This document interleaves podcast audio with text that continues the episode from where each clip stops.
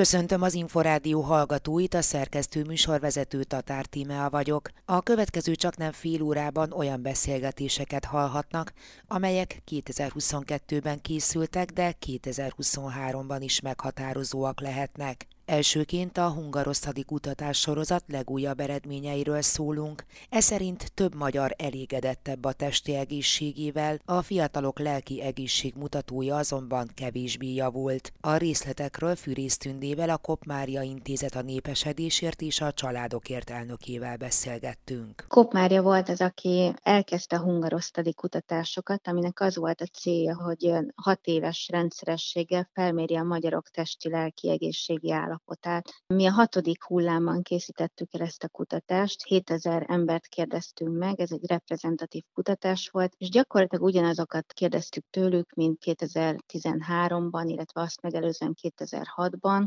és a korábbi években. Mindegyik olyan kérdés volt, amelyek nemzetközi indexek alapján térképezik fel a, az embereknek a test, illetve a lelki egészségét, Például van benne egy WHO jólétindex, van egy depressziós mutató, vannak stresszmutatók, koherencia mutatók, és ugye a testi egészség kapcsán pedig különféle olyan mutatók, amelyeket egyébként nemzetközi szinten is használnak. Mire mutatott rá a legfrissebb kutatás? Vannak-e olyan területek, ahol mondjuk előre mozdulást tapasztalható, illetve van-e olyan, ahol visszalépést látnak? Először a testi egészséggel kapcsolatos mutatókról mondanék pár szót. Itt volt egy olyan olyan kérdés, amikor maguknak kellett minősíteni a saját egészségi állapotukat az embereknek. Itt nagyon érdekes, hogy 2013-hoz képest felére csökkent azoknak a száma, akik azt mondták, hogy rossznak ítélik a saját egészségi állapotukat. Néztük azt is, hogy hányan voltak olyanok, akik azt mondták, hogy a elmúlt időszakban valamiféle testi fájdalmat éreztek. Itt is jó hír mindenképpen, hogy akiknek semmi ilyen típusú problémájuk nem volt, az ő arányuk növekedett, 2013-ban még 63 százalék, most már 78 százalék mondta azt, hogy nincsenek testi fájdalmai egyáltalán. De egyébként rákérdeztünk a testsúlyra, a dohányzásra, az alkoholfogyasztásra is, és a sportolásra is. A sport tekintetében látható előremozdulás. Például akik hetente többször is sportolnak, ott az ő részarányuk 20%-ról 26%-ra emelkedett. Ugyanakkor hát azt azért látni kell, hogy még mindig az embereknek a fele azt mondja, hogy nem szokott sportolni. Mi a helyzet a lelki egészség alakulásával? A lelki egészség kapcsán például megkérdeztük az embereket, hogy mennyire érzik magukat elégedetnek, boldognak. Itt egy tízes skálán kellett válaszolniuk.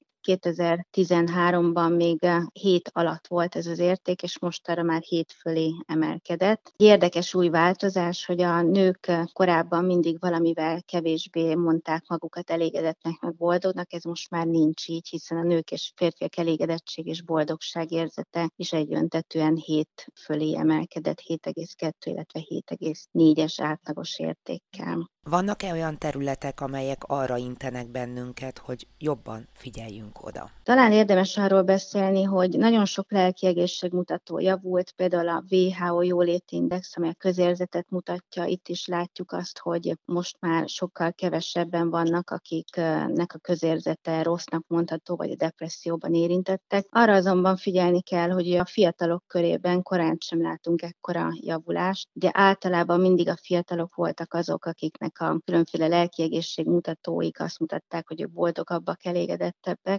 viszont most az látható, hogy például a depresszió esetében általánosan jelentős csökkenés volt, viszont a fiataloknál ez nem tapasztalható, tehát úgy tűnik, hogy a járvány körül időszak őket lelki szempontból jobban megviselte. Mi a jellemző az idős korosztály testi lelki egészségére a kutatás szerint? Hogyha általánosságban nézzük, akkor az látható, hogy lelki szempontból van javulás az idősek tekintetében. Testi egészség szempontjából ezt már kevésbé látjuk náluk. Az például érdekes volt, hogy ebben a mi mintánkban, ahol ugye 7000 embert kérdeztünk meg, például a dohányzás vagy az alkoholfogyasztás tekintetében mi nem láttunk áttörő változást a 2013-as évhez képest, és igazából a testsúly kapcsán sem láttunk nagyon nagy változásokat, esetleg talán annyit, hogy például azok, akik kifejezetten az elhízott kategóriába tart, tartoznak, ők még 2013-ban az összes válaszadó 20%-át tették ki, ez most 15%-ra csökkent. Hol és milyen formában lesznek, lehetnek hasznosíthatóak ezek a kutatási eredmények? Azt gondolom, hogy egy nagyon jó visszajelzés a társadalom állapotáról, hogyha látjuk azt, hogy, hogy milyen lelki állapotban vannak a magyarok, az emberek itt a Kárpát-medencében, úgyhogy mindenképpen ez egy fontos mutató abból a szempontból, hogy lássuk, hogy az emberek lelkileg eléggé felvértezettek-e abból a szempontból, hogy ma mostani kihívásokkal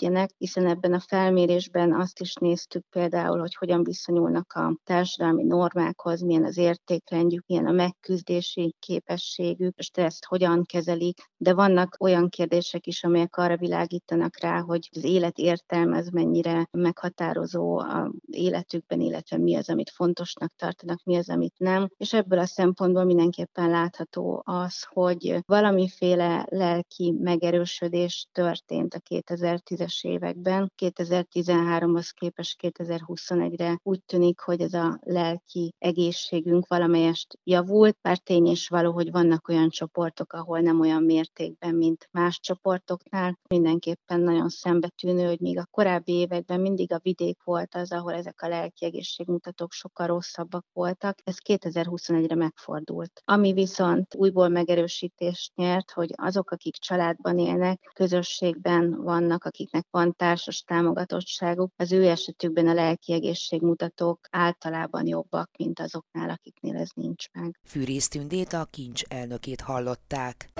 Családi hét.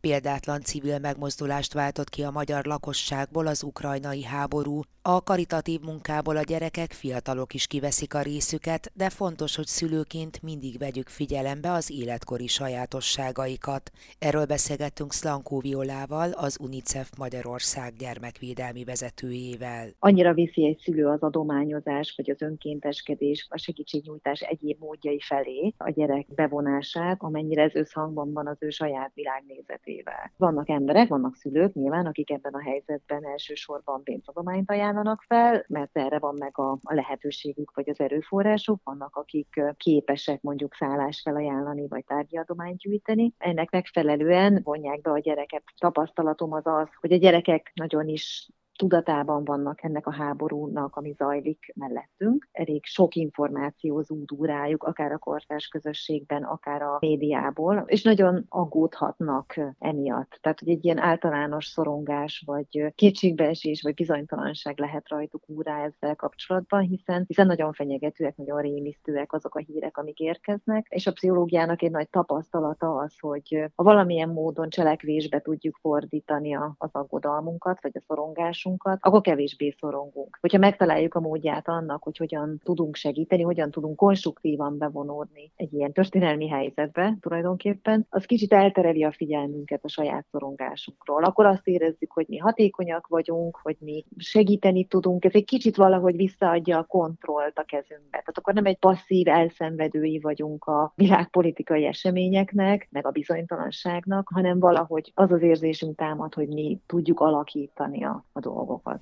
A gyerekekben eleve jobban benne van még ez a beleérző képesség, ez az empátia, hogy segítőként lépjenek fel egy ilyen szituációban? Személyiségfejlődésnek ez egy bizonyos életkorában kezd úgy igazán bimbózni az empátia fejlődés, ez jellemzően ilyen három-négy éves korra teszik a szakemberek. Az empátia akkor lesz erős valakiben, hogyha vele is empatikusak voltak. A gondoskodás, a szeretet, a törődés az, ami az empátiát empátiát felébreszti valakiben. A törődés, a gondoskodás ugye arra épül, hogy a szülő, a gondviselő mennyire látja, mennyire ismeri föl a gyereknek a szükségleteit, mennyire tud aztán ezekre érdemben reagálni. És hogyha valakinek ez a tapasztalata meg van egy kisgyereknek, hogy felé megfelelő módon reagálnak, vagy vele együttérző módon bánnak, empatikusan kezelik, akkor valahogy ezzel párhuzamosan alakul ki az egyénben a saját empátia. Most kifejezetten az orosz-ukrán háború kapcsán milyen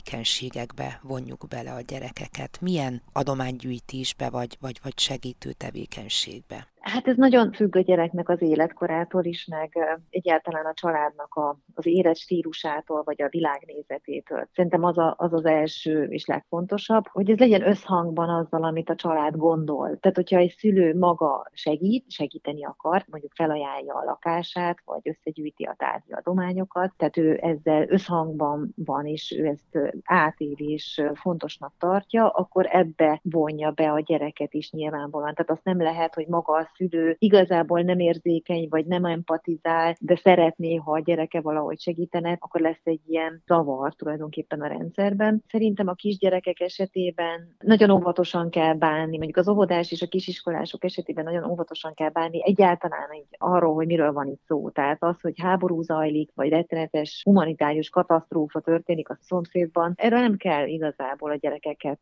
tájékoztatni. Ahogy a gyerekjogi egyezmény fogalmaz, hogy az érettségüknek és a koruknak megfelelően kell a gyerekeket bevonni az eseményekbe, vagy a helyzetekbe. Tehát, hogy egy kisgyerek esetében elég annyit elmondani, hogy, hogy a szomszédország lakói nagyon nehéz helyzetben vannak, el kell hagyniuk az országot, jó, esetleg lehet mondani, hogy nyilván egy háború van, de hogy átmenetileg nagyon nehéz helyzetben vannak, és ezért a segítségünkre, támogatásunkra van szükségünk, és akkor mondjuk megbeszélni a gyerekkel, hogy mi az, ami mondjuk játékot, szendvicset, ruhát felajánlana egy ukrán gyereknek. Kicsit így ezen a szinten tartani ezt az egész segítségnyújtást. Nagyobb gyerekek esetében jellemzően mondjuk a középiskolások esetében, akik már nyilván megértik itt a politikai összefüggéseket is, meg a történetnek az egész kontextusát. Egyrészt több információt is elmondhatunk nekik, másrészt komplexebb tevékenységebe is bevonhatjuk őket. Ugye az jellemző, hogy ez a korosztály, ez a középiskolás korosztály, ez nagyon szeret a kortárs csoportjával lenni. Abban az esetben inkább az önkénteskedés, terepmunka az, ami őket érdekelheti, tehát együtt a kortársaikkal segítenek mondjuk szendvicset osztani, takarót osztani, vagy az egyéb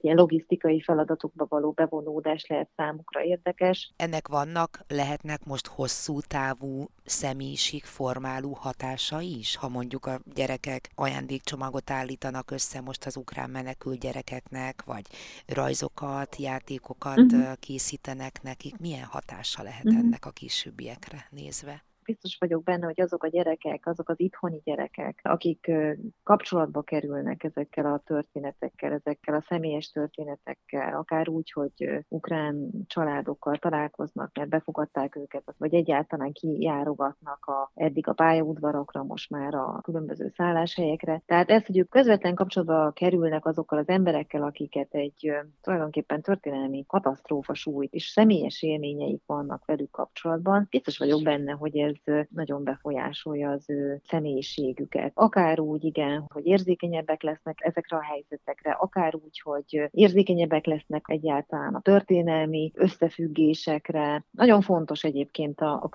vállalás ezekkel a problémákkal, és adott esetben tényleg közelről látni ezeket a problémákat, és ilyen módon érzékenyebbé tenni a gyerekeinket is. Szlankó Viola pszichológust, az UNICEF Magyarország gyermekvédelmi vezetőjét hallották mondták. 2022-ben is elkészítette éves jelentését a Hintalovon Gyermekjogi Alapítvány. A szervezet megállapításai szerint az örökbeadás erősítése mellett nagy szükség lenne a nevelőszülői hálózat fejlesztésére, hiszen csak nem ezer három év alatti gyermek él lakásotthonokban. Gyurkó Szilviát, az alapítvány vezetőjét hallják. Részben a Covid-dal lehet összefüggésben, részben azzal, hogy megváltoztak a hatáskörök, tehát egyszerűen egy más intézményrendszerhez került át a döntés az örökbefogadási kérelmekről, illetve azt sem lehet figyelmen kívül hagyni, hogy változtak a szabályok. Az örökbefogadó szülőknek a köre az azért szűkült a 2021. évre. Valószínűleg ennek a három tételnek az együttese adta ki azt, hogy 2000 2016 óta. Először látjuk ezt a nagyon alacsony számot, ami mellé, hogyha oda tesszük azt, hogy azoknak a gyerekeknek a száma viszont nem csökkent, akik állami gondoskodásban élnek, azt lehet látni, hogy itt ez is egy olyan terület, ahol, ahol nagyon jó lenne a kapacitásokat bővíteni, illetve egy komolyabb átvilágítással feltárni azokat az okokat, hogy, hogy a gyerekek, amikor bekerülnek a szakellátás rendszerébe, és aztán onnan az örökbefogadhatóvá nyilvánításig eljutnak, ott milyen a akadályok lehetnek, mert hogy az örökbefogadni vágyó szülőknek a száma viszont nem csökkent. Tehát, hogy itt van valami fajta elcsúszás, ha nagyon csúnyán akarok fogalmazni, akkor a kereslet és a kínálat között. De itt bürokratikus akadályok lehetnek? Egyszerűen arra is lehet gondolni, hogy az az intézményrendszer, ahova átkerült az örökbefogadásnak az intézése, vagy a hozzá kapcsolatos adminisztratív és egyéb döntés egyszerűen nem tudott még felkészülni ennek a feladatnak a, az ellátására. Az, hogy a, a gyámhivatali intézményrendszerben milyen kapacitások vagy milyen munkaerőhiányok vannak, arra nagyon nehezen látunk rá. A 21-es jelentésben sincs erre vonatkozóan adat. Az örökbefogadás az nem csak egy adminisztratív kérdés, az egy nagyon-nagyon komoly szakmai kérdés, és hát ugye 2021 már egy olyan év volt, amiben már az a szabályozás is életbe lépett, hogy nem kötelező az örökbefogadni vágyó szülőknek az előkészítő tanfolyamon való részvétel, aminek elviekben ugye meg kellett volna növelnie azoknak a, az örökbefogadásoknak a számát, ez viszont nem történt meg. Én azt gondolnám, hogy várjunk még egy évet mindenképpen legalább, hogy a 2022-es számok mit mutatnak, de ha továbbra is csökkenő vagy ilyen alacsony számokat látunk, akkor mindenképpen érdemes lenne felülvizsgálni azt, hogy azok a jogszabályváltozások, amik az elmúlt években történtek, azok tényleg a gyerekek legfőbb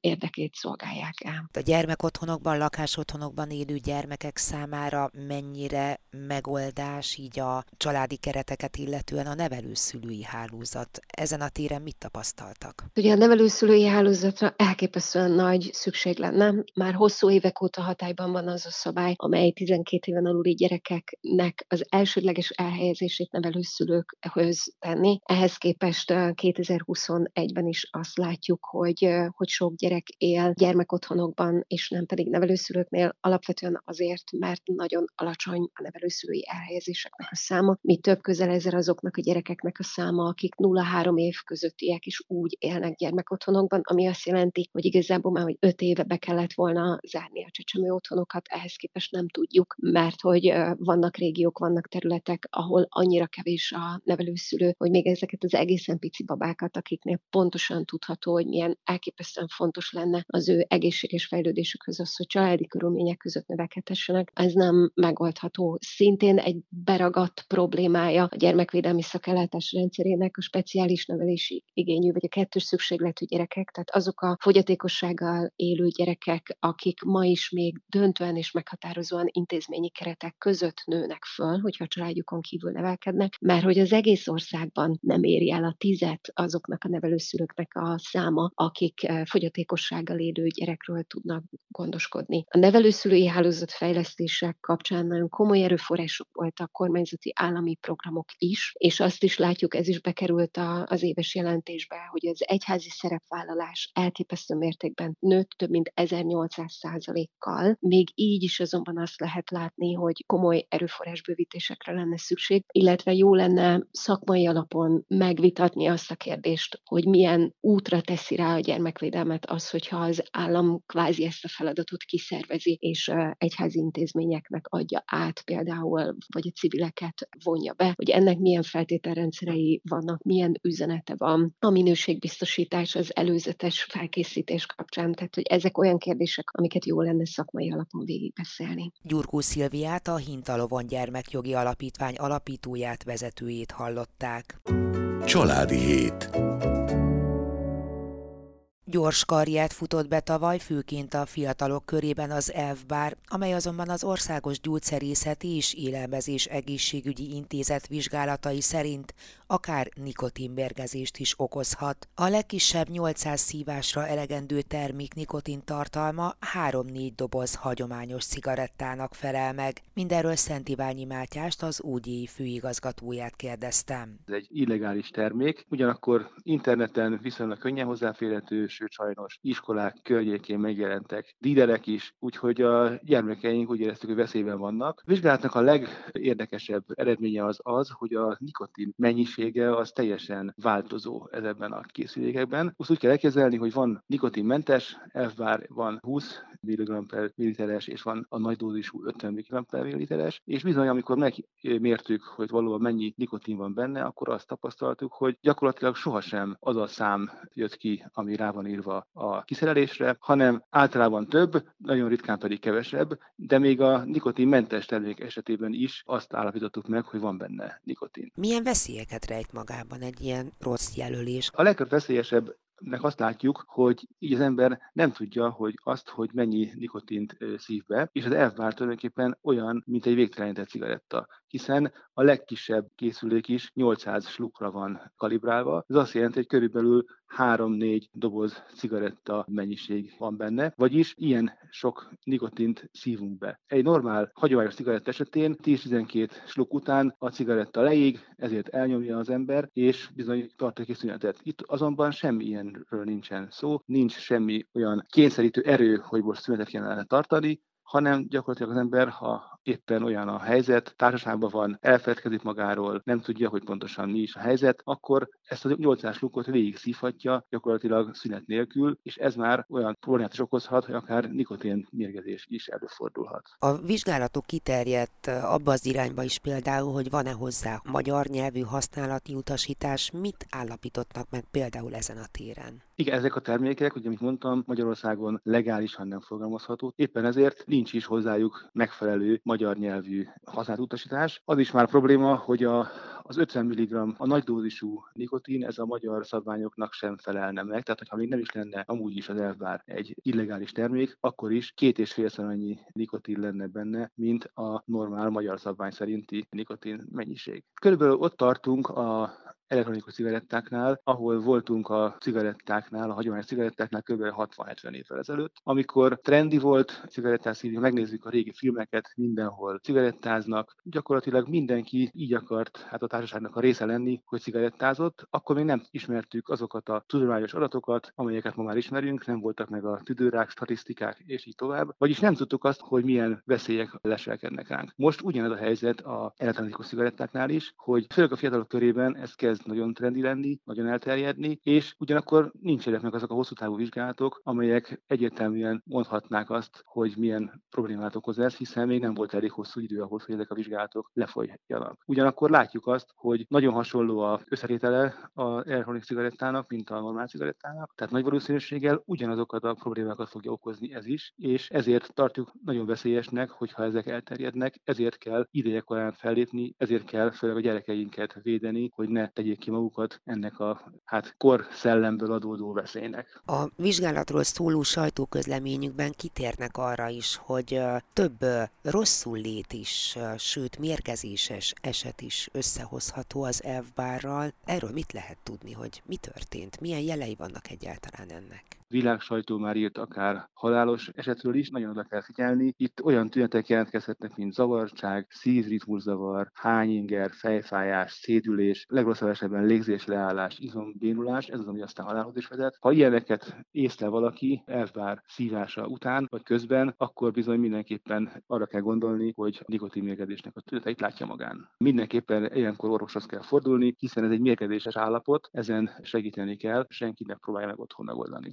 Szent Mátyást az Országos Gyógyszerészeti és Élelmezés Egészségügyi Intézet főigazgatóját hallották. A Családi Hét mostani és korábbi adásait is visszahallgathatják az infostart.hu oldalon. Én köszönöm megtisztelő figyelmüket, a szerkesztő műsorvezetőt Tatár Tímeát hallották.